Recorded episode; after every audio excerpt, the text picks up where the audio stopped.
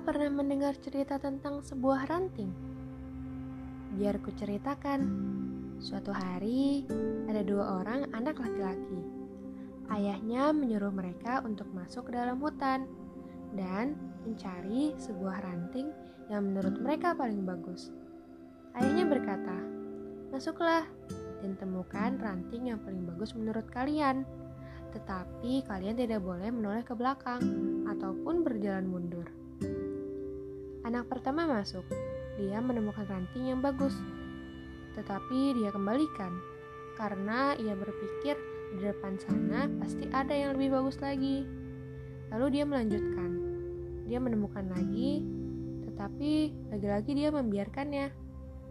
Hingga ia keluar dari hutan tersebut tanpa membawa satu ranting pun. Kemudian sang ayah bertanya, "Kenapa kau keluar tanpa membawa satu pun ranting?"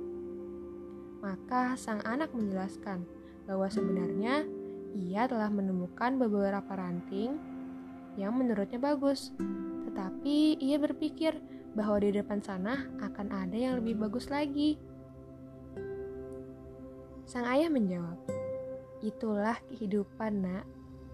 Jika kau terus mencari, kau takkan sadar bahwa kau sudah ada di akhir perjalanan.